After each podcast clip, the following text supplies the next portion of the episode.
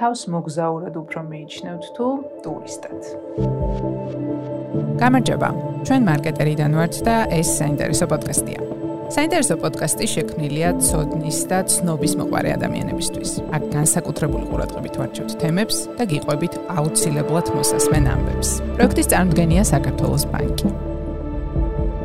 მოგზაურობის დაგეგმა, მიმართულების შერჩევა, მარშრუტის მოხაზვა, ეს ყველაფერი ნამდვილი მოგზაურებისთვის ძალიან დიდი უნებათაღელვის მომტანი არის ხოლმე. ჭეშმარიტი მოგზაურები მოგზაურსა და ტურისტს ერთმანეთისგან რადიკალურად განასხვავებენ. არჩილ კიკოძის ნორვეგიულ დღიურებში ამოვიკითხეს სწორედ ეს განსხვავება ძალიან კარგი ფორმულირებით, რომ მოგზაურს ტურისტისგან ის განასხვავებს, რომ მან ისიც კი არ იცის სახლში დაბრუნდება თუ არ, რასაც მე ვიზიარებ 100%-ით. რადგან ჩვენ მოგზაურობის მოტრფიალები ვართ, დღეს ამ თემაზე სასაუბროთ პოდკასტში სწორედ ჭეშმარიტი მოგზაური მოვიწვიეთ, რომელიც მოგზაურობასა და კერძოდ მის ტაილანდურ თავგადასავალზე მოგვყვება ისტორიებს. სამხრეთ აღმოსავლეთ აზიის ამ საოცარ ტროპიკულ ქვეყანაზე, გასაოცრად კეთილშობილი და კეთილგანწყობილი ხალხით, შთამბეჭდავი კონტრასტებით, მართლაც გასაგიჟებელი სანაპიროებით, ბევრს გაქვთ ალბათ ნანახი ფილმი The Beach, ლეონარდო დიკაპრიოს მონაწილეობით, რომელიც სწორედ ტაილანდ ტაილანდის ერთ-ერთ კუნძულზეა გადაღებული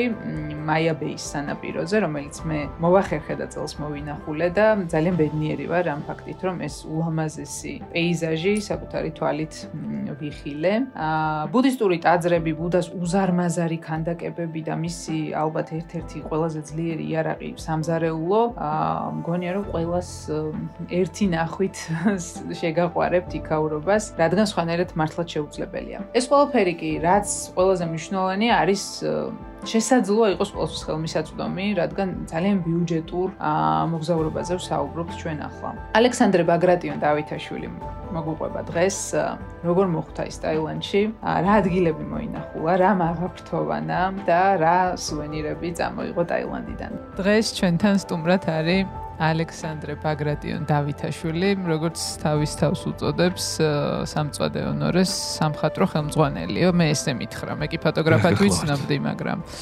შეუცვლია პროფესია. როგორ ხარ? დღეს გავიგე, რომ ჩვენი სამსახურის ქუჩას გადაარქვეს და კონსტიტუციის, მაგრამ გვაქვს ახლა გია ყანჩელის ქუჩა. მოვენა, კარგია, ნუ მუსიკალური ქუჩა. მუსიკალური ისედაც ვართ და და კონსტიტუციას რას ვერჩოდით? გავთელეთ. გადავთელეთ. გადავთელეთ. და ეს რაღაც სიმბოლური აქტი იყო, რომ გადავარქვეს შენი აზრით? ჩემი დიდი ვარაუდით კი. ოკეი. კაი, მოდი. მმ, თქვათ დღეს რაზე ვისაუბრებთ მე და შენ? მენტალურ ჯანმრთელობაზე. არა. პროსტორად რაღაც კუთხით emotional damage. რაღაც კუთხით შეიძლება მაგასაც შევეხოთ, არ ვიცი. ყველგან და ყოველთვის აქტუალურია ხოლმე, მაგრამ დღეს ვისაუბრებთ მოგზაურობაზე. თანაც ზოგადად მოგზაურობაზე, ანუ როგორ დავგეგმოთ მოგზაურობა საინტერესოდ და შენ რადგან იყავი ტაილანდში იმ დროს, როცა მეც იქ ვიყავი, მაგიტო მაგირჩია შენ. სადმე ისეთ ქვეყანაში რო ყოფილიყავი, სადაც მე არ ვიყავი, არ მოგიწევდი. გამიმართლა. კაი, ხუმრობ. და მომწონდა რა შენს social media-სასაც უყურებდი იმ პერიოდში, ხვდებოდი რომ შენ არ ხარ ტურისტი და უფრო ხარ მოგზაური. ამ ორ რამეს შორის სხვაობა არც მიწისა ვარ, არც ცისა. მმ, მე მგონი სადღაც შუაში ხარ, ხო? ვამბობ. ლევიტაციის. ლევიტანი ისაკი ფაზაში მითხარი როგორ შემითხარი რამე? როგორ გეგმავ ხოლმე მოგზაურობებს? როგორ იწება ეგ პროცესი ჩემთვის არის ხელოვნების დონეზე აყვანილი მართლა. მე მგონია რომ ჩემნაირები არსებობენ ვინც ეგრე უდგება მოგზაურობას მაგრამ ბევრი არ შემხვედრია. აა როგორ იწება ხოლმე შენი მოგზაურობის დაგეგმარება მომიყევი როგორც წესი მე არ მოგზაურობ. სპონტანურად იწება ხოლმე თუ აი თვეებით ადრე გეგმავ? ვერ გეგმავ. ვერ გეგმავ. საერთოდ არ დამიგეგმავს არაფერი. აჰა. ცხოვრებაში. ამ არც სამწვადის გახსნა. სამწვადის გახსნაც პანდემია მოიტანა, თორე არც მაგას არ გავხსნით. თუმცა შივრები გავიჩით რა, რაღაცა გავკეთებინა. აპრილი მოიტანა სამწვადე. იმიტომ რომ ჭამის მერე ცეკვა აუცილებელია. აჰა. ანუ რაც ჯაჭვური რეაქცია გაიჩნდა coworking სივრცე? ხო და ეხა coworking-იც გავაკეთეთ, იმიტომ რომ მარტო ჭამადაც ეკვა არა, მუშაობაც საჭირო. აჰა. ხო და ხა coworking-ს ფიქრობთ, რომ სლოგანი შეურჩიოთ, გვაქვს ორი ვარიანტი. ჩამოდი, ჭამე და ადი ისე აჰა. და მოდი იმუშავე, მე იგულავე. და რომელიმე უნდა ავარჩიოთ, მეგობრებო. გთხოვთ ხმამისზე, მე თქვენ მგონი სასურველ არჩევანს. ორივე შეიძლება და რაღაც როტაცია შეიძლება ხოლმე, კი. რომ ხან ის ხან ეს. რო არ მოგვეწოდე. ხო. კაი, მითხარი, აბა მოგზაურობას თუ არ გეგმავ, ესე იგი სპონტანურად აი ესე გაიღვიძე ერთ დღეს და თქვი რომ ეხა წავალ ტაილანდში? ეგრეა? ეგრეა. მ ჩემი ცხოვრება არის ერთი დიდი ფრილანს ქაოსი. აჰა. რამდენიმე ფრონტზე ვარ. ვარ ფრილანს ფოტოგრაფი, ფრილანს მწერალი, სცენარისტი. აჰა.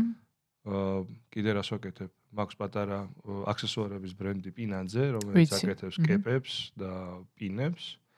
და მაქვს ასევე ჩემს მეგობარ და პარტნიორ ბატონ გიორგისთან ერთად ონორე საღიღინო რაც უკვე coworking old boys და აპრილი. ძალიან ეკლექტური პორტფოლიო გაქვს. რა გავაკეთო ეგა? ეგა ჩვენი საქართველო. და თან ყველაფერი ესე უცებ აღმოცენებული იდეების ხარჯზე, ხო? აა, დიახ. საქართველოში ადამიანს არ გაქვს იმის საშუალება, რომ ერთ რაღაცას მიყვე ბოლომდე. თუ ძალიან მონდომებული ახლა მე არ ვარ ძალიან მონდომებული. აჰა. რაღაც ვერ გატყობ, რომ ძალიან მონდომებული. მე შენ გამოგჩა რომ ჯგუფი გაქვს კიდე. ჯგუფი Beatles ჩემია. ჯგუფი Airbnb Georgia. ხო, ეს Airbnb-ც მოიტანა იმან რომ ვიყავი Airbnb-ის ფოტოგრაფი და ძალიან ბევრი ადამიანი მეკითხებოდა რჩევებს რა გავაკეთე შვილო, როგორ გავაქირავ. და იქვე დაიბადა იდეა რომ მოდი ჯგუფი მე ხო ქართველი იუზერი არის ძალიან უნიკალური რაღაცა. არ კითხულობს ინსტრუქციას, არ კითხულობს help-ებს, არ კითხულობს არაფერს, არ წერს აჰა. და აი ეს სარაფანის რადიოთი მარტივად უნდა რომ ინფორმაცია მიიღოს. შვილო რა გავაკეთო? შემოვა ტურისტი შემოვა პაპა აბა რა სიზონს ხო და მე გადავწყვიტე რომ მოდი ამ ხალხმა ვინც რაღაცა იცის ქართველებს უყურეთ თავის გამოჩენა ხო იცი აი ვინმე რაღაცას რო ასწავლა ეგ ეგრე კი არა ესე უნდა კი. ამიტომ მივეცი შანსი გამო თავის გამოჩენის ამ ადამიანებს ვინც რაღაცა იცო და გავაკეთე ჯგუფი და დღეს უკვე რაღაც 10000 წევრი ყავს ექსპერტები არსებობენ იმ ჯგუფში Airbnb, ხო? ისეთი მაგარი ხალხი ყავს აი ვიცი, მეც ვარ. გენაცო ხარ შენ ექსპერტი არა. მე მქონდა ერთი ეპიზოდი ცხოვრებაში, როცა მომიწია ბინის ქირაობა პანდემიის დროს და იმ მაგ დროს დავემატე და სოჩოს დამეხმარა შენ ჯგუფი. ძალიან გვიხარია მითხარი ხა მოგზაურობაზე რაღაცეები. ხო, როგორც შეატყეთ, ჩემი კანიოკი არ არის რაღაცეების გეგმა, ჩემი კანიოკი არის იმპროვიზაცია და ამაში კარგად ვზნობ თავს.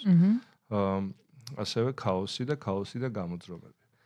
მ შესაბამისად, ამას მოყვა ჩემი ტაილანდში წასვლაც, იმიტომ რომ მივხვდი რომ ცოტა თუ არ გავთბებოდი, მე და თვენახევარი ყოფილიყავი მთაში. სოფლიო ჩემპიონატის გადაღებაზე მე სვანეთში ქონდა კიდე რამდენიმე ესე ტურნირი. იგი შეხურდი თამდე, ხო, ეგრე გამოვიდა. აქ ზამთრიდან უცებ კიდე ზამთარში წასვლა, ცოტა რთული იქნებოდა და მეთქი ოპ და ახალი წლის სამუშაოს მორჩით, ჩავატარეთ რამდენიმე ივენთი, ავიღე ხელფასი და წავედი. ეს ყველაფერი გადაწყდა 3 დღეში. და არ გინდოდ, ანუ შენი რაღაც ოცნება და მიზანი არ იყო, რომ ტაილანდში მოხვედრ იყავი არა, ჩემსავი? არა.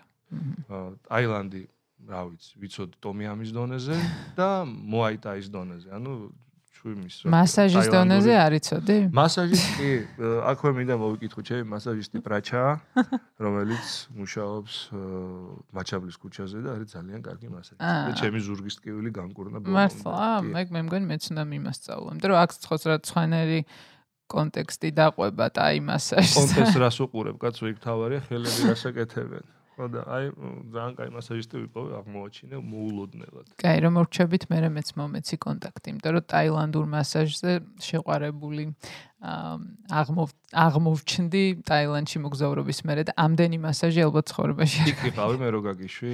არა, მან არ ვიყავ. აა, მაგრამ სამაგერ ბანკოკში ამბობ ხო? nothing Jon Snow, ხო ბანკოკში. ბანკოკში სამაგერად წავედი ჩემი რისერჩის საფუძველზე რაღაც საოცარ ადგილზე, რომელიც э, გარედან და შიგნიდან სულაც არ გამოიყურებოდა ლამაზად, მაგრამ დამხვდა სუპერ პროფესიონალი მასაჟისტი, რომელმაც დაუვიწყარი გამოცდილებები დამიტოვა. რატო ჩაგეცინა ეს?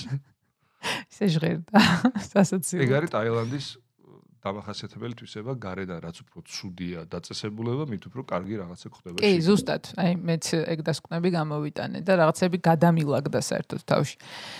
იცი რა მითხარი, სამი დღით ადრე რო დაგეგმე განსხვავებით ჩემგან, რომელმაც 1-2 თვით ადრე დაგეგმა ყველაფერი. ანუ წინასწარ რისერჩი არ გაგიკეთებია და ისე ადექი და წახვედი. არანაირი რისერჩი გამემართლა რომ ერთ ჩემ მეგობარი მიდიოდა მაგ დროს და რაღაც შევებით დამეხმარა. ერთად ჩავფრინდით იქ. და სახლის არჩევა, სად უნდა ვიცხოვრო, დავხედე რუკას და ქუჩას აწერია სუხუმი. სუხუმბიტი. მეთქე სუხუმია ასე. ხო. ხოდა მე რომ ნახე რომ შენ მან ცხოვრობდი, ეს უბანი ბანგკოკში ითვლება რომ ძალიან კარგია რა, ესე საცხოვრებლად და ტურისტებით არ არის გაძეძგილი და ვიფიქრე რომ ესე იგი იცის ამ კაცმა რასაც აკეთებს. ხო და მე აღმოჩნდა ეს სოხუმა კარგად გიძე მე მიყვანა და ეს სოხუმით, სოხუმივით. და ეს სოხუმივით ქუჩაზე ცხოვრობდი ერთი თვე. აა ერთი თვე იყავი, ხო? კი, აღმოჩნდა რომ ძალიან კარგი უბანია, ცხოვრობენ ექსპატები, ევროპელი ექსპატები, იაპონელები, რომელსაც ძალიან ბევრი ბიზნესი აქვს თურმე ბანგკოკში. მე რაღაც სტატიას ვკითხულობდი და აღმოჩნდა რომ 10% ბანგკოკის ბიზნესების არის იაპონელები. რომლებიც გამოურბიან იაპონიაში გაზრდილ ფასებს და ასე თუ ისე არც თუ ისე შორეულ კულტურის ქვეყანაში გადადიან, სადაც ღმერთო რა იაფია ყველაფერი. იქაური კალკულატორი დღემდე მომყვება. კალკულატორი გადავაგდე საერთოდ, რომ შევედი პირველად ძვირიან სუპერმარკეტში და აღმოჩნდა რომ 7-Eleven-ში არა. 7-Eleven-ში, 7-Eleven-ში ცხოვრობ. კი, მეც. ხო, მაგრამ აი რაღაც ძვირიან იაპონურ სუპერმარკეტში შევედი და აღმოვაჩინე რომ ბევრად უკეთესი პროდუქცია რაც ჩვენთან იყიდება, იმაზე სამჯერია ფიქრის. აი მუხლზე გადავიტეხე, ვანდამივით კალკულატორი და აღარასოდეს აღარ ამომიღია. კი. და ესე ხარჯავდი. იყო ეგრე ნამდვილად. კი.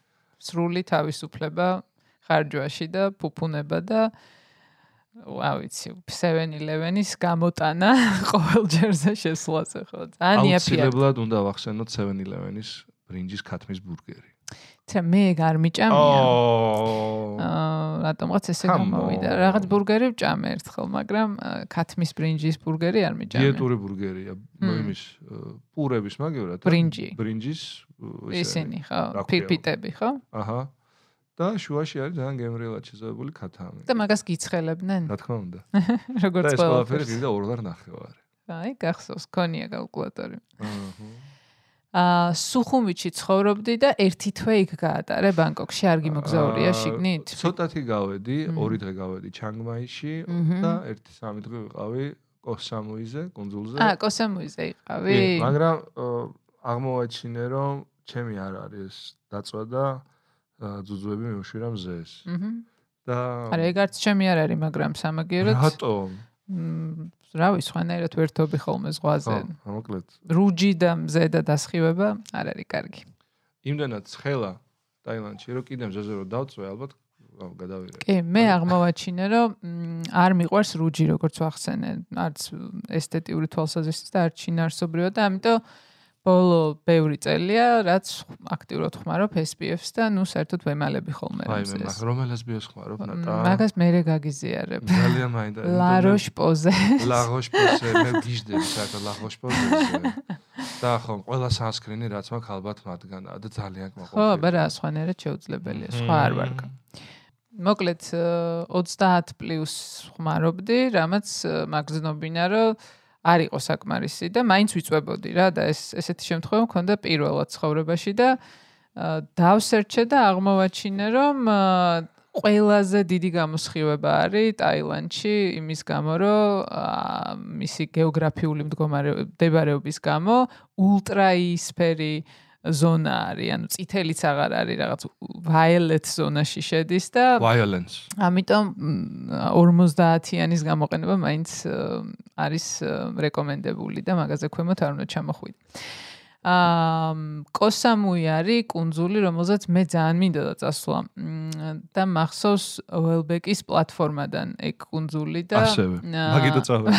მინდა და მან წასვლა, თუმცა ისე დაალაგდა ჩემი მოგზაურობამ, რომ კოსამუის მაგივრად წავედი სხვა კუნძულებზე სამწუხაროდ და კუნძულებს რა გამოლევს ჩემი? კუნძულებს ტაილანდში რა გამოლევს და მართლა ეგრე იყო, ანუ კუნძულიდან კუნძულზე დავდიოდი და გული დამწყდა ცოტა კოსამუიზე და შენ როგორ შეაფასებდი?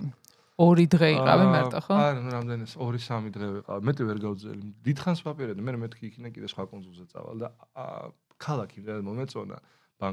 მმ. იმდენად რაღაც ცოტა ტოკიოს ესთეტიკა, ცოტა ბლეიდ რანერი, ცოტა ფუტურიზმი. თან იქვე ჩაინათაუნიც გაქვს, ყველაფერი გაქვს. ჩაინათაუნი გაქვს, აი ისეთი კონტრასტები იყო, რომელიც არასოდეს არ ქონდა კი. ივსან ლონანის უზარმაზარი მაღაზია და წინ ვიღაცა მწვადებს კი, კი, ზუსტად. და ცრემლი წამოვიდა მწვადი რომ დავინახე ეს გამიხარდა. აა, სამუის რაც შეეხება არის მშვენიერი ადგილი, იდეალური ის აქვს ბუნება, პლაჟები, მაგრამ პრობლემა რა არის? იცი, სულ ცუდი ამინდი იყო ეს სამი დღე და ეთქვა კიდე ეგ მაგანაც წვიმდა? წვიმდა და მოღრუბლული იყო და ეს სურეალისტური ლამაზი ზიანი პეიზაჟები ვერ ნახე. ნახე ღრუბლიანი, ბათუმისებური. აჰა. კი მიყვარს ახლა ეგეთიც, მაგრამ აა, რავი, მაინც. საცხოვრებელს Airbnb-თ არჩევ ხოლმე? თუ სასტუმრებში ჩერდება? გაგიკვირდება და ყველაზე აა, მოხოდილი ქსელი დაქირავების არის აგოდა. აგოდა ხო? ხო. კი, კი, იქ ა- ხვდებოდა. აგოდაზე ვქირავდი ყველაფერს და რაღაც ბონუსები ისენი, ესენი გავხურდი აბოდაზე. როგორც, ხო, როგორც კი წამოდი, ეგრევე წავშალე. ხო, იმიტომ რომ აღარ დაგჭირდება სავარაუდოდ დიდი ხანი. და მოკლედ, ჩემი გული ეკუთვნის ბანგკოკს და ვერანაირი სამუი და ფანგანი და მაიმუნობა ვერ ჩაანაცვლებს მას. ფანგანზეც იყავი? არა, ფანგანზე ეკო ფანგანი იყო. ე, მეც ეგ მახსენდება ხოლმე. ბოლოს ხუმრობით ეგრე ვეძახდით ხოლმე მაგ კუნძულს. აი, ეგრე უნდა იცხოვრო, რომ შენ კუნძულს დაარქვენ შენი სახელი. თან ისე რომ იქაურიც არისო. თან როგორ კუნძულს? ო. გართობის რაღაც. ო ფანგანზე იმდენი საჭმელი ადგილია. რატო ავირჩიე ტაილანდი და რატო ამირჩია მან მე? აბა მოგვიყევი. რაღაც პერიოდის მერე ცხოვრებაში, ბევრგან ვარ ნამყოფი ჩემი კალათბურთიდან, ჟურნალისტური საქმიანობიდან, ფესტივალებიდან და ასე შემდეგ. მივხვდი რომ არ მსიამოვნებს იმ ქვეყანაში, სადაც საჭმელი არ ვარგა. აი, ვიცოდი რომ მაგას ახსენებდი. აა, იმიტომ რომ შენ social media feeds ყველაზე მეტად ეგ ეთყობოდა, ეგ ინტერესი გასტრონომიული სიამოვნებების. აა, სადაც არ არ ვარგა საჭმელი და სადაც აა, არქიტექტურაც არ ვარ. იმიტომ რომ ეგორი რაღაცა ვარ, არქიტექტურა და ჭამა. ჭამა და არქიტექტურა. ბანგკოკის არქიტექტურამ რა გითხრა? ბანგკოკის არქიტექტურა მითხრა ის, რომ 70-იანებიდან დაუწყეთ ესეთი კაპიტალური მშენებლობები და მას მერე წინ მიიწევენ. თუმცა არის ასევე ძველი შენობები. რა მააშენა ბანგკოკი? კონდიციონერმა. როცა კონდიციონერი. გახდა ხელმისაწვდომი ყოველასთვის, აი მაშინ დაიწყო ტურიზმის ბუმი. აბა ხა იქ 50 გრადუსიან სიცხეში. შეუძლებელია. კი. ანუ შუა დღეს ზედათ არც გავდიოდი ხოლმე გარეთ გა- არ განიხილებოდა კონდიციონერი ეს გარეშე ხო ნუ ვერ წარმომიდგენია იყოფნა ეგეთი მასშტაბები შეგიგძნია ოდესმე აი მე მახსოვს აეროპორტიდან გამოვედი და აი ძალიან დიდი რაღაც გაშლილი რაღაც ბილბორდები ძალიან დიდი შენობები მაღლები რაღაც აი ეგ ეფექტი ქონდა ჩემზე რომ აი ეს მასშტაბურობა ესეთი მეგაპოლისი აზიური არ მქონდა აქამდე ნანახი მე მქონდა ნანახი მსგავსი სიყვარული. პეკინი ასეთი არ არის. ხო არა შანხაია უფრო შანხაი, ხო. ტაიბის ბანგკოკის ესთეტიკით. ტოკიოში არ ვარ ნამყოფი მაგრამ ბევრი რაღაცა მსგავსება და თან განსაკუთრებით ახლა იაპონურობაში რო მჰმ. ცხოვრობ ბევრი რაღაცა სამსგავსებ ამ ანუ ერთი თვე ბანგკოკში დარწმუნებული ვარ რომ არ მოგბეზრდებოდა იმიტომ რომ მე რამდენიმე დღე გავატარე და ძალიან წყდებოდა გული რომ უფრო მეტი არ არ გამომივიდა მაგრამ ერთი თვე მაინც თითქოს ბევრი ჟღერს ერთი ადგილისთვის. კი ბევრია განსაკუთრებით ადამიანის რომელმაც არ იცის დასვენება იმიტომ რომ არასოდეს არ დაუსვენია და რას აკეთებდი იქ? ერთი კვირის მერე რაც მოვიარე ფანგანი კი არა და სად ვეყავე კოსამუი. სამუი. აა, სამუი და რა ქვია ჩენგმაი აა, ავიღე ჩენგმაი ხო რა რაიში არ ყოფილხარ ა ჩანგრაიში არის. ჩანგრაიდან ჩანგმაიმდე 2 საათია ავტობუსი. იქვეა ახლოს, მაგრამ ჩანგმაი ეს არის საუბარი არის კულინარიული- ჩრდილოეთზე სმენელსაც ჩანგა ჩანგმაი არის კულინარიული დედაქალაქი ჩრდილოეთისა, სულიერ კულინარიული. რომ მცხეთაა დაახლოებით იმათი, აღონ ბევრად უკეთეს საჭმით. მიშლენის 52 რეკომენდაცია ამ პატარა რამდენი ამ ხელაქალაქი, ქუთაისის ხელაქალაქია. მჰმ. ქუთაისი არ ითვლება დიდად ტაილანდის ა, მასშტაბით. აა ერთი სიტყვით მომინდა რომ მეცხოვრა აი ესე ჩვეულებრივად ადამიანურად როგორც იქაურები ცხოვრობენ, რაღაცა მესწავლა, რაღაც მეკეთებინა, ვიპოვე ტაილანდში ყველაზე კარგი სკოლა კულინარიული და გაიარე კურსები და სამი კვირა ვოქში თავჭაყოფილი გავატარე. დილის 8-დან საღამოს 4. დილის 8-დან ხო. საღამოს 4 ანუ სულ ამას აკეთებდი კი, აბა, ეხა ეგაა. ყოველ დღე კი. და რო ჩამოხვედი გააგრძელე არა რა თქმა უნდა. ასე კი დაგავიწყდება რომ ჩამოვედი. და ისე რა ის რა ნახო მეზიზღება. რა ხო, სხვა შორს მეც გამომყვა ეს ცოტა ოვერდოზი ამ ტაილანდური საჭმლის, მაგრამ მეც ძალიან ბევრს ვჭამდი და ბევრს სინჯავდი და ვეძებდი ყველაფერს და მოკლედ საქართველოში ისევ ქართულ კვებას და რეჟიმს დაუბრუნდი. როგორ ტექნიკა თუ ისწავლე რამე ისეთი განსხვავებული ვოკთან ურთიერთობა ალბათ ხო რაღაცები. ყველაფერი შეგიძლია ნახო YouTube-ზე დღეს და Google-ში, მაგრამ ეგეც საინტერესოა რომ აი რატო იარე. მაგრამ არის რაღაცეები, რასაც ვერ იმასიზავ. აჰა. როგორც ვერ გადმოიწერ ინტერნეტიდან, კი. ეს ეს არის აი ხელი როგორ უნდა გეჭიროს, ხელში როგორ უნდა აჰა, გეჭიროს. აჰა. ვაიმე, მაპატიეთ. ეს არა ალერგია. ეს ჩვენ ჭადრები. რომელიც გვეგებებია. მ, ასევე იქ არის აბს- აბსოლუტურად განსხვავებული ბოსტნეული სუნელები.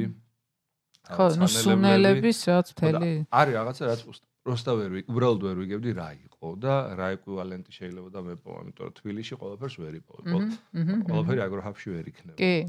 ყველაფერს ვერ იმასიზა მაგროჰაბში. ანუ აა თვითონ ინგრედიენტებს გულისხმობ, ხო? ინგრედიენტებს ასევე გამოიყენება ორი ორნაირი სანა, ერთი ხის, მეორე ქვის. როდის რა უნდა გამოიყენო, რომელი რაში უნდა დანაყო და ძალიან კარგი მზარეული იყო ჩვენი მასწავლებელი, რომელსაც ბევრ ქვეყანაში ქონდა ნამუშევარი. ჩინეთშიც, ინგლისშიც, ამერიკაშიც. ნორმალური ინგლისური ქონდა, უცნაური აქცენტით.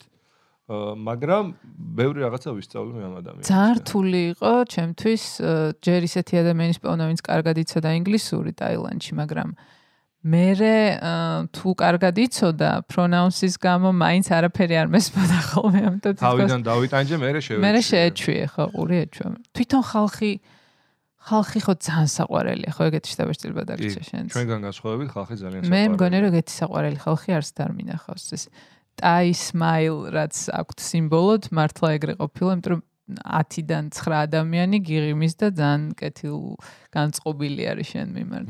საერთოდ ქართულ ღერთო რა ოხ ეს ჭადარი. ჭადრებზე რამე ლექცია რიცი? ჭადრები რო გეგებებიან ხო არის? რა რა რა რა რა რა სიმღერა. რა რა რა რა რა რა რა რა აა ხო. მანდარი ხო ეგ სიტყვა. გეგებებიან წვანე ჭადრები ხალხი. ხალხი. ტაილანდელი უსაყვარლესი ხალხი რომელიც თან ძალიან ამაყობს რომ ტაილანდელი კი. დაუპყრობელი ქვეყნის შვილები კი, არიან. კი.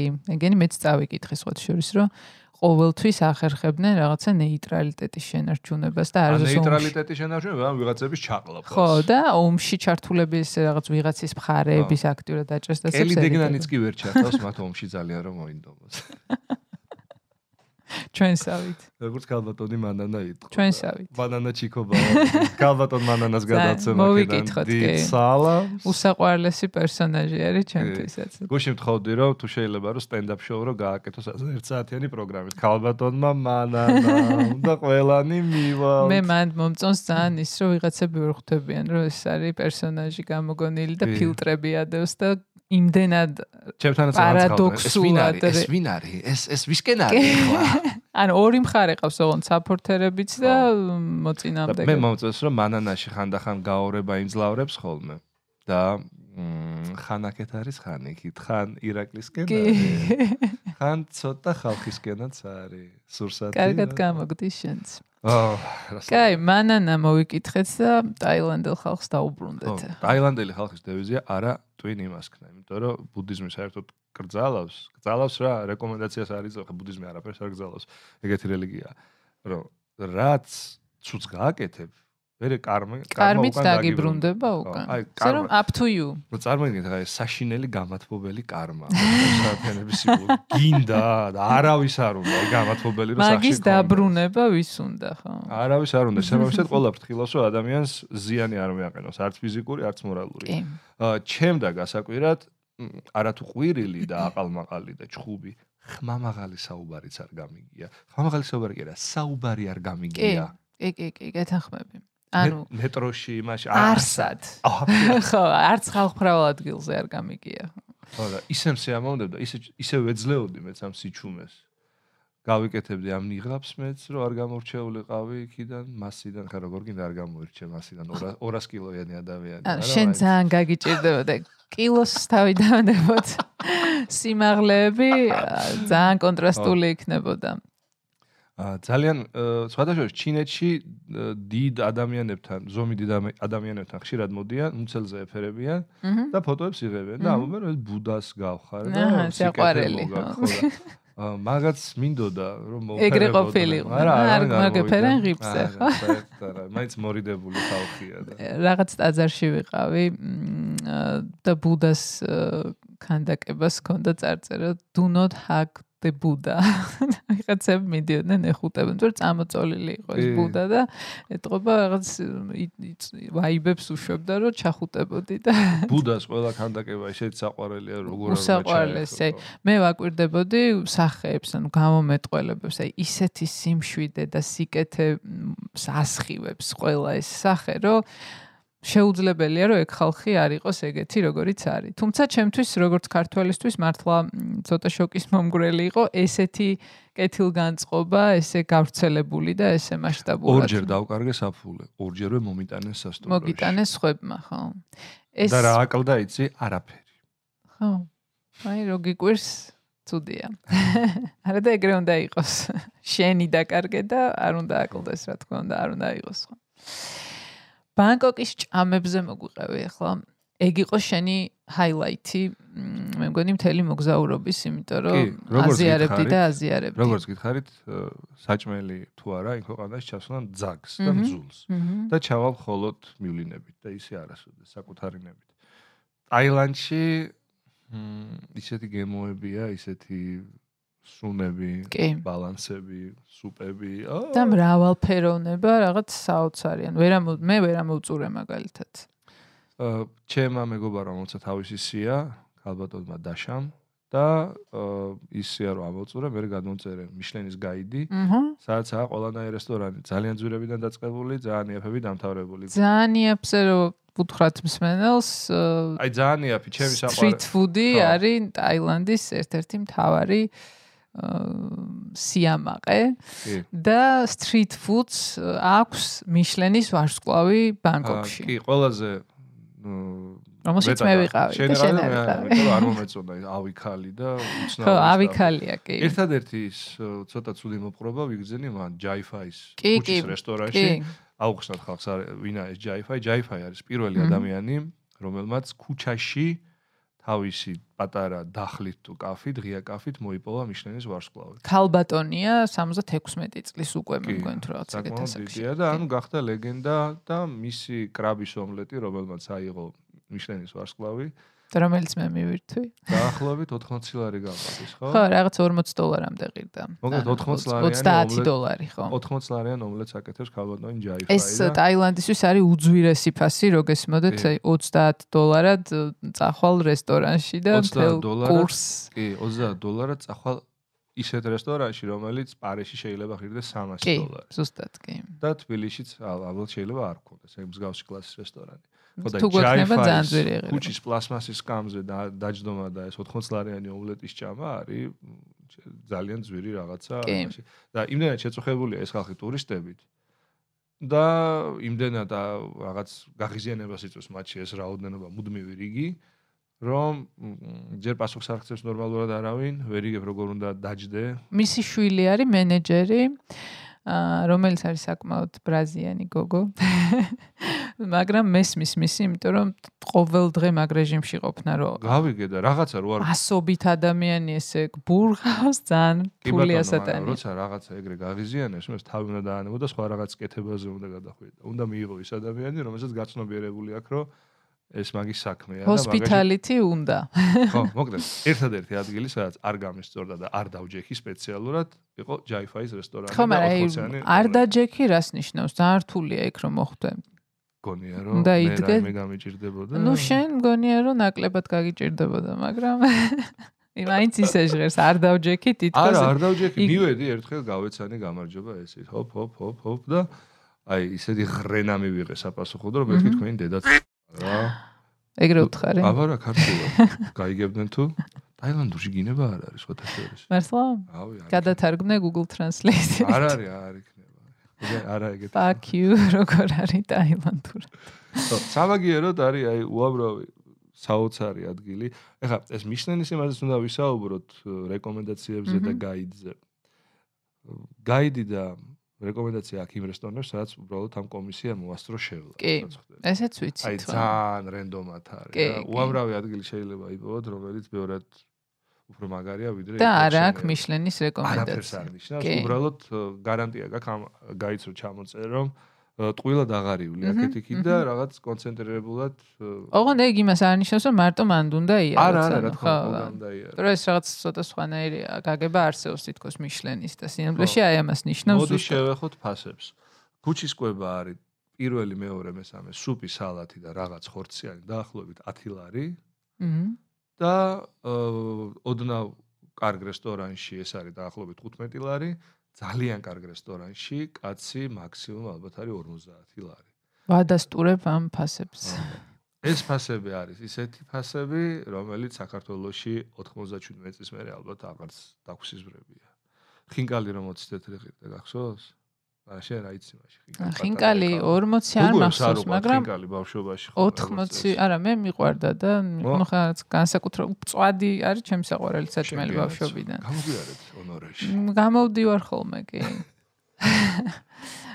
ხინკალი მახსოვს რომ ღირდა 80 თეთრი 40 არ მახსოვს. ესე იგი ძალიან გვიან მოქსვლია აზრო მახსოვრობა აზრი მადა. ცნობიერება. მე 20 თეთრიდან დავდივარ სახინგლეებში როგორც ინგლისური. შენ და ჩემ შორის ასაკობრივი სხვაობაც არის ხე. აქვე პატარა რეკლამა საღიგინოში ხვალიდან იქნება ხინკალი.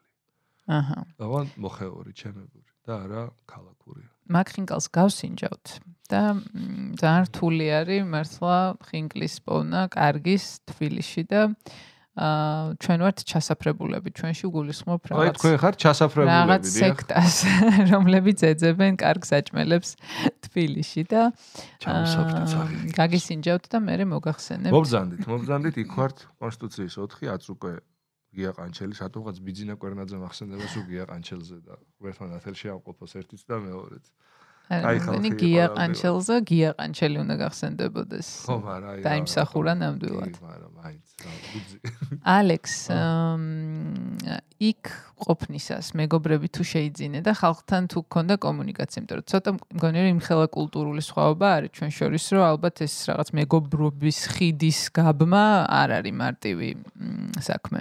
ანუ სხვა სამყაროა ხო რეალურად ეგრევე წარმოგიდგენთ რადიკალურად განსხვავებული სამყარო არის არ გავს თუ ახლა არ ხარ ნამყოფი მართლა შანხაიში და აზიაში კარგად არ გიმოგზაურია, არაფერს არ გავს, რაც თქვა ევროპის ფარგლებში გვინახავს.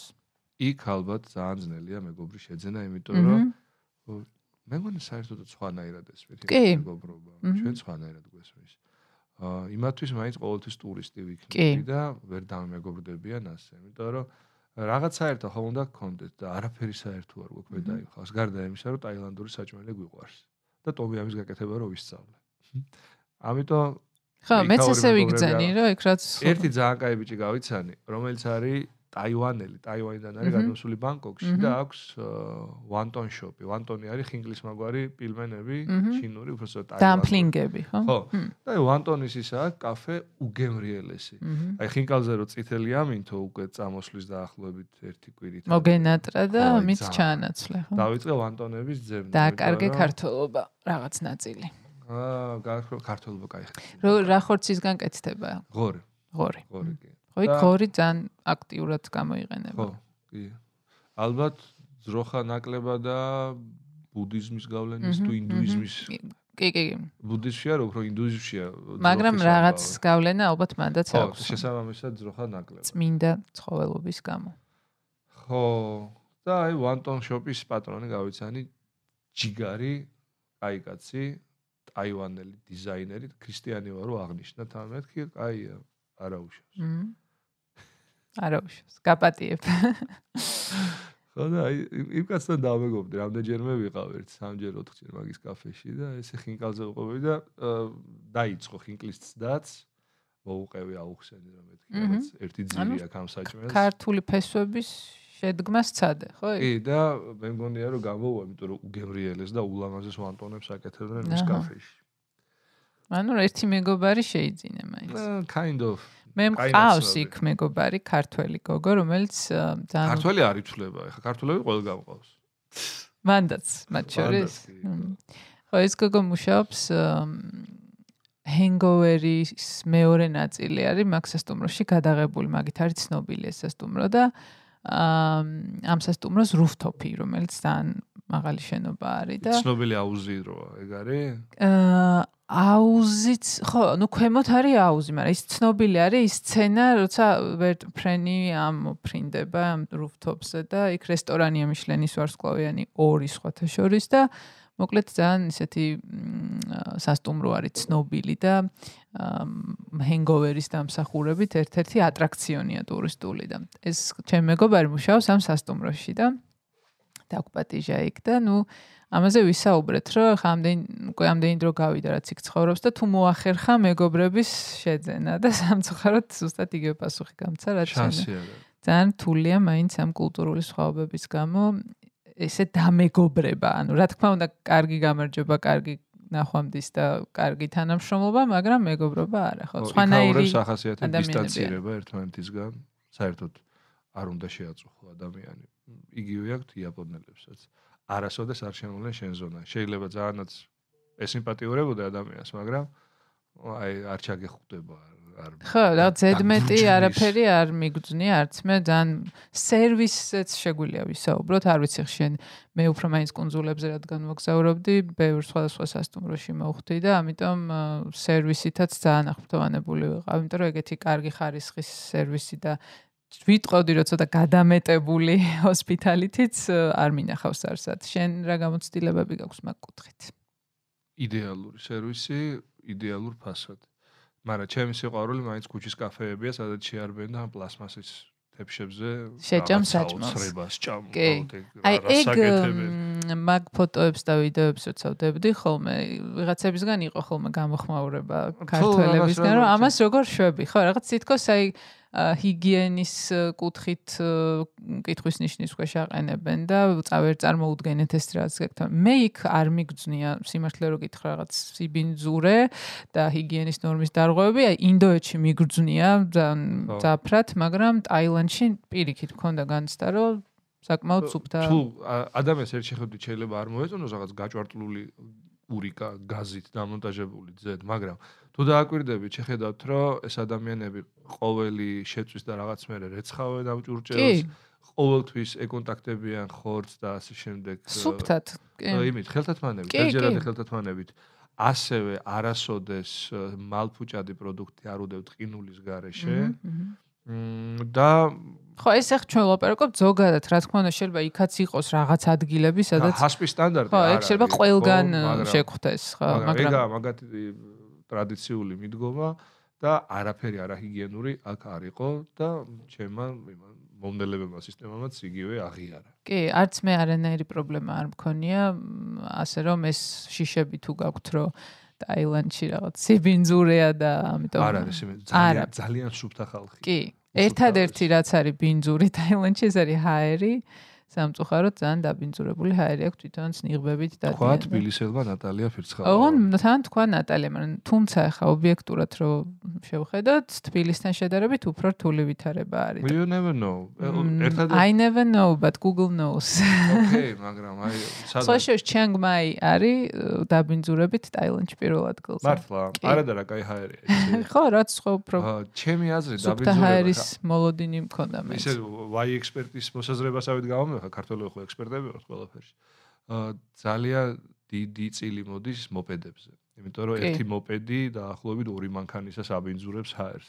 იმიტომ რომ ფილტრები და რაღაცა მას ისეთი არ უყენია, ისეთი კაპიტალური როგორც ავტომობილს.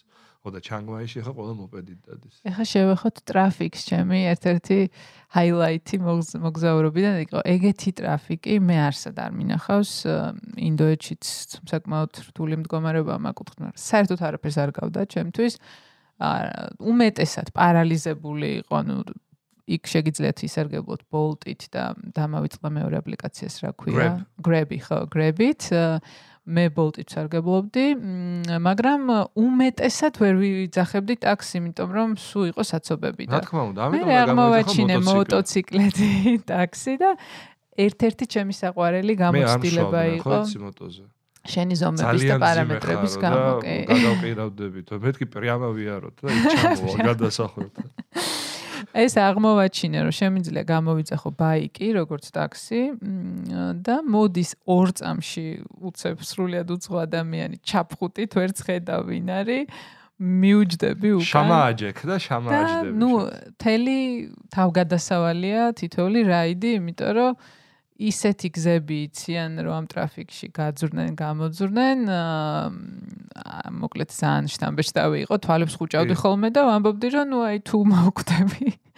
მოხვდები ავარიაში და მოხვდე. მოხვდები პოდკასტი ისე არ დამიტოვოთ. პოდკასტ მე მკვიდრეობით მე რაღაცას გადავცემდი. ხო და სამუიში და ჩანგმაიში ვიარე, მოკლედ. მან დიuliდი კი. არა, აქ ვერ გავიგე. კონძულებზე უდიდეს სიამოვნებას იღებ მოპედიციარულს და ბანკოკში ზუსტად აი იდენტურად მეც არ გამირისკავს, ნუ შეუძლებელი იყო ხლა იქ ვიცოდი რომ ვინც ახაც ნამყოფი, ცოტა რთულად წარმოგიდგენიათ ალბათ რაზეც ვსაუბრობ. ჯერ ერთი არის ხუთ ხაზიანი გზა თითო. კი. ძალიან ბევრი ხაზებია, ხო. ლაინია რა. აქ აი ვერ გაიგებს ერთად რა ხდება, მოკლედ. კიდე ყველაზე მეტად რის მეშენია, იცი? ერთხელ ინგლისში მქონდა შემთხვევა, საპირისპირო მიმართულებით წავედი და იქაც იქაც ეგრეა კი. და მეც რო დამსვა საჭესთან ტაილანდში, წავალ აუცილებლად საპირისპირო მიმართულებით. ეჭვი არ მეპარება ამაში, იმიტომ რომ ძალიან მიჩვეულები ვართ ჩვენ. აქ მარტო ერთხელ დავემართა ტაილანდში, ეგრე სამუიზე. სამუიზე. პროცესზე მივდიოდი ძალიან ლამაზად. სამუიზე ალბათ გადარჩები და ბანკოკში არ მგონია რომ გადარჩე. კიდე რა უნდა აღნიშნოთ, არ არსებობს ალკოჰოლი წესიერი და ალკოჰოლი არის ყველაზე ძვირი რაც შეიძლება იქნახო ადამიანმა, ყველი და ალკოჰოლი. მოგეხსენებათ რომ ტროპიკულ ქვეყნებში ყველის გაკეთება ისტორიულად ჭირდა და შესაბამისად ტრადიცია არა. კი. ასევე ალკოჰოლიც ახლა დიდად სასიამოვნო დასალევი არა 40 გრადუსიან სიცხეში ღამე რო 30-მდე ჩამოდის მინიმუმ. მე ჩემი გამოცდილებით ვიტყვი რომ არც გინდება იქ ალკოჰოლის და ხო. ერთადერთი აი ეს აი შეიძლება კოქტეილი დალიო ისიც აღამოს ალბათ რესტორანში ისიც ჯინტონიკი ან არც ძამსუბუქი ტიპი. კოქტეილი ძალიან ცუდი იყო ყველა რაც გავსინჯე. და ჩემი საყვარელი უცუდესი ლუდები, ლეო, ჩანგი. და კიდე რაღაცა იყო კიდე მესავე რო ვისახელი აღარ მაგას ყიდულობდი ალბათ 7-11-ში აა არა კაფეებში კაფეებში. იმიტომ რომ ეხლა ეს რაღაცა ინტენსიური საჭმელი. Bull-ი თუ გასინჯე აა Red Bull-ი გავსინჯე მაგრამ ძალიან არ მომეწონა მე. ესა ორი ესა ეგ არის ორიგინალი ვიცი აქედან იყიდა დიდი მატი შეცვალა თუ მოიპარა ამიტომ გავსინჯე ზუსტად და ხო არის ექსტრაქტი ძალიან კონცენტრირებული და უნდა შეურიო მე ესეთი დასკვნა გამოვიტანე რომ ალბათ play ან მარტო ამ Red Bull-ის დალევა არ არის ასიამოვნო და რაღაცასთან ერთად რო შეურიო ალკოჰოლთან ალბათ შეიძლება უფრო აი Red Bull-ი შეერევა ალკოჰოლთან. არ შეიძლება ვიცი, ამიტომ ეს არ მიიღოთ რჩევათ უბრალოდ. არც იმ Red Bull-ის დალევა არ შეიძლება შემიეს. ახლა კომპანიის ფოტოგრაფი ვიყავი, ასე რომ რაღაცეები მაინც ვიცი მაგათ. კი, კი, არა, მე საერთოდ არ მოვიცი. ძალიან ინტენსიური სასმელია ეს ტროპიკული გემოები დღაჟღენთილი. გაზი საერთოდ არ აქვს და დილით საუზმობას ვერ ვასწრებდი, ახლა 8-ზე იქ უნდა ყოფილიყავი სკოლაში. 7-Eleven-ის ისა, რა ქვია იმას?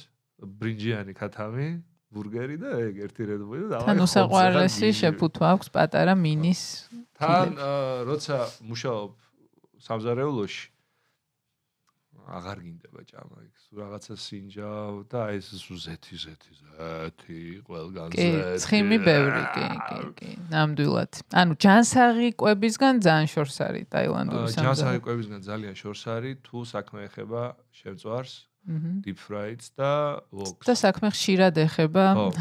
ამიტომ ტაილანდურ სამზარეულოში ყველაზე გემრიელი არის ისეთი რაღაცეები, რაც არ არის შემწვარი. ესაა სუპები, აჰა, სალათები. აი მწკვახე პაპაიას სალათი, რა ქვია დამავიწყდა, სომტამ მე მგონი, რომელიც არის ჩემი აზრით უმამის უმაღლესი წერტილი. უმამესი. არ გამისინჯავს ეგ. ხო. მაგრამ სალათები აქტიურად ვსინჯე მეც კი და უგემრიელესი არის. ალბათ მაგას უნდა მივაწოთ. მე მხოლოდ მაგას და ხილი. ხილი რა თქმა უნდა. ხილი ძალიან გემრიელი. რომელიც პირველად ნახე ბევრ რაღაცეები საერთოდ ცხოვრებაში. კი, კი, ბევრი ეგზოტიკა იყო ნამდვილად. ასევე ერთი პატარა ხინტი უამრავი იაპონური მაღაზია მაშ სუხუმიტში. სუხუმივით ქუჩაზე. სუხუმში. სოხუმში და იქ საღამოს кайფას დაკლებები იყო და დაღლილზე, დაკანცულზე, თან ჩეულებრივი საჭმლის გადახვა აღარ გინდა. ერთადერთი შანსი იყო, რომ დიდი საშიმების სეტს ყიდულობდი, რომელიც ალბათ იყო ერთი 30 ნაჭერი სხვადასხვა თევზი და ღირდა რაღაც 20-25 ლარი. და ჩვენთან 200 ლარი. რაღაც თირკმელი და დაუტოვო აქ იმაში სუში რომში. კი, მე რო შევაჯამო ტაილანდს ურჩევდი ადამიანებს, რომლებსაც აა გარდა თავგადასავლებისა აინტერესებთ გასტრონომიული სიამოვნებები, აინტერესებთ ეს კონტრასტები სამყაროებს შორის, ჩემთვის ეგ არის ხოლმე ძალიან შთამბეჭდავი, რომ აი ესეთი სამყაროც არსებობს, ესეთი ხალხიც არსებობს, ესეთი არქიტექტურაც არსებობს, ესეთი კულტურაც არსებობს. ხალხი, რომელიც სრულები დაწლილია სნობიზმისგან. კი, აბსოლუტურად ვერ იგრძნობთ. სადაც მანანა ჩიქობავა არ შეგხვდებათ არასოდეს. ნამდვილად ვადასტურებ ტაილანდელმა. აი, წერა ახსენე, ლუი ვუტონის ლუი ვუტონი იყო თუ დიორი, არ მახსოვს ძალიან დიდი ბუტიკი იყო სადგურ პრომპონგზე.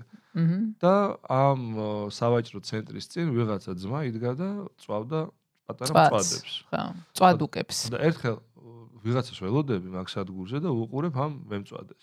და გამოდის ამ ბუტიკიდან ძალიან ლამაზი ან იაპონელი ან იქაური გოგო, რამდენიმე პარკით, შოპინგა. ტრადიციულად აზიელი ლუი ვიტონის პარკებით. ხო, დიორი ლუი ვიტონი. უკან მოყვება დაცვა ამ გოგონ პარკები დაყარა უცებ გავარდა ამ წვადის საყიდლად იყიდა იქვე ერთი 4 წელი შეჭამა გადაყარა ეს ჭხირები აი ხო პარკები და წავიდა ეს შენი ფანტაზია ხო არ არის? თუ მართლა ეგრე მოხდა? ჩემი გჯერა. ძალიან ხო არ გინდოდა რომ ეგ სცენა დაგედა. არა არა არა აი ჩეულებრივი ამბავია ჩეულებრივი საქმე მომწია არა ნამდვილად სნობიზმი რაღაც ამპარტავნება ზემოდან ყურება რაღაცები იქ ნამდვილად არ არსებობს კი. აი მაინც ქუჩის ჭამა რაღაცა არაესთეტური ამხელა დიორი ქალი იქიდან დაცვა, ოპ ოპ, ჯიპი და წკა და უცებ ვაუ. კი. ტაილანდის კიდევ ერთი სახალისო ნაწილი არის კუნძულები, ვისაც უყვარს ტროპიკული დასვენება, ჩემი აზრით, ერთ-ერთი საუკეთესო სანაპიროები არის და პლაჟები, რაც კი მინახავს.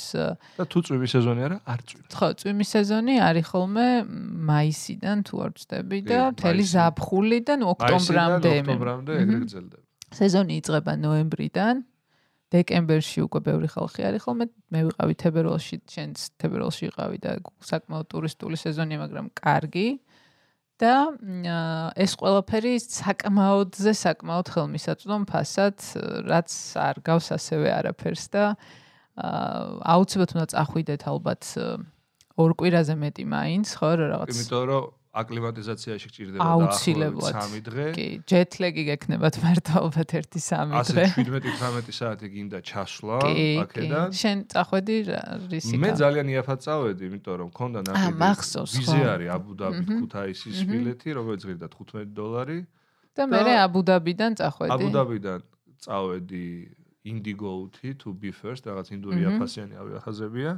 ერთ 200 დოლარად ჩავედი მოკლედ, თან სამი დღით ადრე დაგეგმა ადამიანმა და თან ასე იაფად წავიდა და მე დავგეგმე ორი თვით ადრე და მე წავედი კატარით დოჰადან, ამიტომ ხა. კატარი კაია. თუმცა ისეთი იქიდან კატარით წამოვედი. ზვირიც არ არის. არა, იქიდან წარღირდა ზვირი. 550 დოლარი დაჯდა. აჰა. და პლუს ამაში დამიკლო 10% TBC-ის კონცერტ კარტმა. აქვე პატარა პლეისმენტი. ხო, არა, უცებ აღმოვაჩინე რა საიძე და ძალიან გამიხარდა.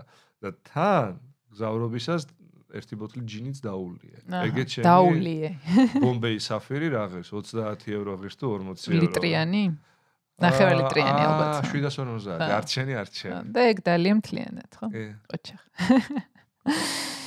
ტაილანდზე რა შეიძლება კიდე ითქვას, თვითონ ეს ტაძრები და ბუდას ქანდაკებები ძალიან შთამბეჭდავია ასევე უზარმაზარი ბუდა მოდი გავაკეთოთ რაღაც სამაფი.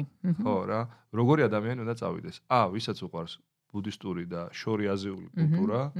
ბ, ვისაც უყვარს ტროპიკული მცენარეები. მცენარეები. იმიტომ რომ არის ხალხი, ვინც გადის რა, ბალახბულახზე. კი. აა, ვისაც უყვარს მოწევა, იმიტომ რომ იმაში 2 წელია უკვე ლეგალურია. ლეგალური გახდა, კი. და სამწუხაროდ არ გავსინჯი არც ერთი, იმიტომ რომ არ მიყვარს. იცი რა? ძალიან ბევრი კოფი შოპი შემხვდა მეც და სხვა შეს გამიკვირდა, იმიტომ რომ მაინც კონსერვატორული კონსერვატორული ხალხია, ხო? კონსერვატორი ხალხი არის და მეფემ თქვა, რომ შო ბიჭო, ამით ამას მოაქვს ფული და რა ლეგალიზება. მეფეზე აღმოაჩინე ძალიან სასაცილო რამ, რომ ერქაინში რო დადის იცი? კი, დავსერჩე და ვნახე, ну რაღაც საოცარ ფოტოებს ხო აგდებს პირველივე გვერდზე. აგარი როჟა. ძალიან საყვარელი ადამიანია, როგორც ჩანს და რაც ყველაზე მეტად მომეწონა იყო, რომ ამისი ლაიფსტაილის გამო მას ხშირად აკრიტიკებდნენ და იქ რაღაც გამოძიებებიც და ჟურნალისტური ამბებიც და არ ჯდება კონსერვატულ ტაილანდურ ახმაში მისი ობრაზი ასე ვთქვა. და ამიტომ შემოიტანეს კანონი, პირადად მან შემოიტანა კანონი, აკრძალული არის რაიმე აუგის თქმა სამეფო ოჯახზე, მათ შორის აი ესეთი ჩანაწერია გაკეთებული pets ანუ ძაღლზე და კატაზეც კი ვერ იტყვი ვენაცვალე მეფე რამას. აუქს თორე დაიჯები. უჯიგრეს არის ძალიან კომიკურია ეს ყველაფერი. თან იმის გათვალისწინებით რომ ქუჩებში შენობებში მისი ფოტოები როგორც არის. მისი მამამისის და მისი დის. ოჯახის ხო მთლიანად და რო შეხედა ძაღლების ფოტოები ვერ ნახე იმიტომ რომ ძაღლები მაგაზეც შეგვიძლია თქვა ორი სიტყვა რომ ესეთ შინაურ ცხოველები არ შემხვედრი ესე აქტიურად არ ვიცი ეგეც რაც კულტურის დამსახურებით ალბათ პარკებში მხდებოდა ეგეთი აკრძალული ნიშნები. ეგ ეგ იყო ერთ-ერთი რამ რაც არ მომეწონა ტაილანდში, რომ ძაღლები იყო გადახაზული პარკებში და მაგასაც ვერ მივხვდი ცოტა რა და აქტიურად ძაღლები ქუჩაში არ შემხვედრიან არც კატა. მაგანწალად ძაღლი კატა არ არსებობს. არ არსებობს ხო, როგორც ყველა ნორმალურ ქვეყანაში, თუმცა ტაილანდურზე ნორმალური სხვა. რა, სტამბული ძალიან ნორმალურია და უამრავი კატა. კატა არის ძალიან ბევრი ხო, კი. კედილერ. კი. კიდევ როგორ ადამიანს უნდა ურჩიოთ იქ წასვლა. ჭამა რომ უყარს. ხო, ეს თავისთავად. აღმოჩენა. ვისაც ბევრი ფული არა აქვს და აჰა. ხო არა ხალხს რა ჩვენ ქვეყანაში რაღაც აი. კი ბატონო. მაგრამ მაინც ანუ აი ტაილანდში რომ წარმოიდგინოთ, ყველანაირი ტაილანდი ნახე მე ძალიან ესეთი ლაქშერი ტაილანდიც და ძალიან ღარიბიც, ძალიან ხელმისაწვდომიც და ძალიან ზვირიც. აი ისეთი კონტრასტები არის, რომ ნებისმიერი ტიპის მოგზაურს მგონია, რომ მოერგება, ანუ შეგიძლიათ წახვიდეთ 10 დოლარიან სასტუმროში, შეგიძლიათ წახვიდეთ 100 დოლარიანში, რომელიც ძალიან კარგი იქნება. ხო, კიდე უნდა წავიდეს ის ადამიანი, ვისაც უნდა ფუფუნების საგნებთან და კომფორტთან გათამაშება ძალიან იაფად. იმიტომ რომ ის რაც ღირს ტაილანდში 100 დოლარი, ევროპაში ღირს 300 euro, ალბათ 400 euro, ხო? კი. კიდე მეტი. ანუ ისეთი სასტუმროები, რომ თქვა რაღაც ხუთვარსკვლავიანი სასტუმროები, რომლებიც ევროპაში წარმოგიდგენია, რომ ალბათ უნდა გადაიხადო 400-500 euro, აქ შეიძლება 80 დოლარად. კი, ზუსტად აი მაგ რეინჯში მეყეო 60-80 დოლარი. შესაბამისად ძალიან budget friendly destination-ი არის, რამდენი ინგლისური სიტყვა გამოვიყენე, მაგრამ აა ბიუჯეტ მეგობრული. ბიუჯეტ მეგობრული მიმართულება, ხო? ჯიბე მეგობრული. ერთ სიტყვით, ჯობია რომ გადაიხადო ალბათ გზავრობაში ცოტა მეტი, მაგრამ როგორც გითხარით, შეგიძლიათ იქ დაუყარაულდეთ რაღაცია ბილეთებს. თან თბილისიდან მალე იწყებს ფრენას ინდიგო, ინდური ავიახაზები, რომელსაც აქ ასევე ბმა დელიდან ან მუმბაიდან ბანგკოკში. და ეს ბევრად უფრო გააიოლებს და იქ აგოდა. იქ აგოდა და დღეში რა 15 დოლარად დარჩებით კონფეტივით სასტუმროში. სოხუმებით ქუჩაზე. გრანდ პალასში იყავი? გრანდ პალასი რა არის, არ ვიცი. აი, არ ხარ ტურისტი ისე. არ ვარ, ფეხებზე მკიდია ტურისტული დესტინეიშენები, არ დავდივარ არასოდეს. აი, ამას წინათ წავიკითხე არჩილ კიკოძის ნორვეგიული დღიური და იქ ქონდა ეგეთი განმარტება, რომ ტურისტი იმპერიალისტი არისო, რომ ჩადის დასაპყრობად ჩადისო სხვა ქვეყანაში და მოგზაური არისო ადამიანი, რომელმაც ისიც კი არ იცის დაბრუნდება თუ არა სახლშიო და ძალიან მომეწონა ეგ მე არ მაქვს მაგის ფუფუნება, რომ რაღაც ჩვენ გვიწევს რომ დაუბრუნდეთ, მაგრამ რო გქონდეს არ დაუბრუნდებოდით, დარწმუნებული ვარ. You never know. მე მაინც ჩემი სალი კლდეები მინდა რომ მე გადავცვალო. შენ გინდა შენი ონორე. მე მინდა ჩემი ონორე და შამპურები. ჩემი საღი შენი სალი ჩემი სალი კლდე ჩემი ყაზბეგი ეხლა უკვე შენი ლაკის კლდე. coworking სივრცეც რომელიც ქართულად როგორ ვთქვა თანასამუშაო თანასამუშაო სივრცე რა საშინელება მარკეტინგის ქართულად ილაპარაკე ქართულად. ხო ძალიან რთულია ხოლმე ეს რაღაც კრიტიკა რომ მოყვება მე რომ აი ქართულად ილაპარაკეთ, ნუ არ არ გამოდის ყოველთვის რა იმის თქმა, ზუსტად რასაც გულისხმობ ქართულად. და ლამაზად ხანს არ გახარ მარკეტინგი რა არის, ხო? და ვორდინგი რომ ლამაზად თქვა რაღაცა რომ ადამიანის ყური არ გააღიზიანა და კარგად ჩაჯდეს მის სმენაში და გონებაში. მადლობა. ძალიან დიდი რომ მოხვედი ჩვენთან და მადლობა შენ, მადლობა აკოს, მადლობა მარკეტერს, მადლობა მსმენელს, მადლობა მეფე რამას. და ტაილანდელ მეფესაც რომლის სახელიც რა თქმა უნდა აღარ მეფე რამა?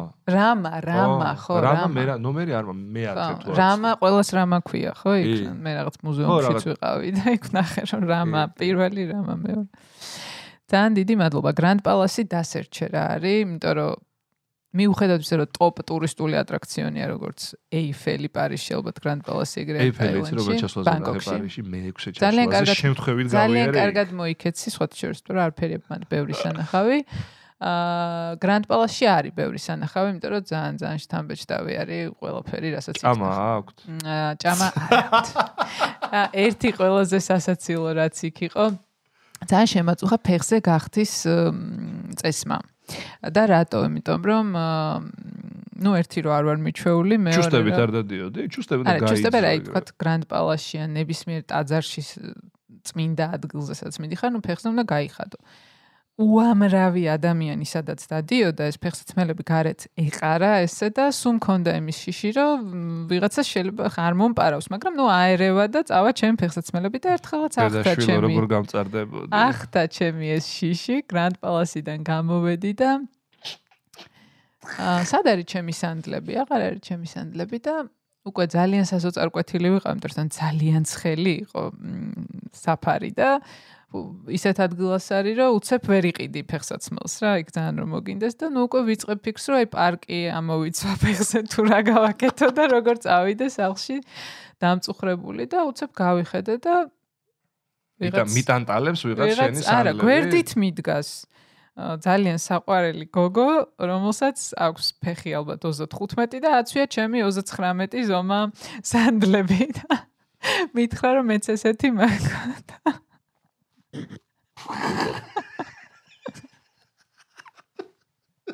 მეც ესეთი მაქვს და ამერია ბოდიშო და როგორ შეიძლება აგეროს 35 ზომა ფეხზე 39 ზომა არ ვიცი თუმცა კარგია რომ გაიხადა და მომცა. და თვითონ დარჩა ფეხში შველი აი, მოკლედ აი ესეთი ცხოვრებისეული კურიოზით ვასრულებთ გადაცემას. კიდევ რამეს ხომ არ გაიხსენებდით? უკვე მე ვარ სტუმრის როლში. მე ძალიან ბევრ რამეს გავხსენებდი, თავარია რომ ახლა არ დავიწყო ლაპარაკი. ახლა ჩვენ გავალთ რეკლამაზე. რეკლამა ჩვენს ეთერში. ძალიან დიდი მადლობა ალექსაბა შენიცი და ბევრი წარმატება შენს საქმიანობაში არაერთში. უფალმა დაგლოცოთ და გაგაძლიეროთ. ასევე. თქვენ უსმენთ საინტერესო პოდკასტს. პროექტის წარმოდგენია საქართველოს ბანკი.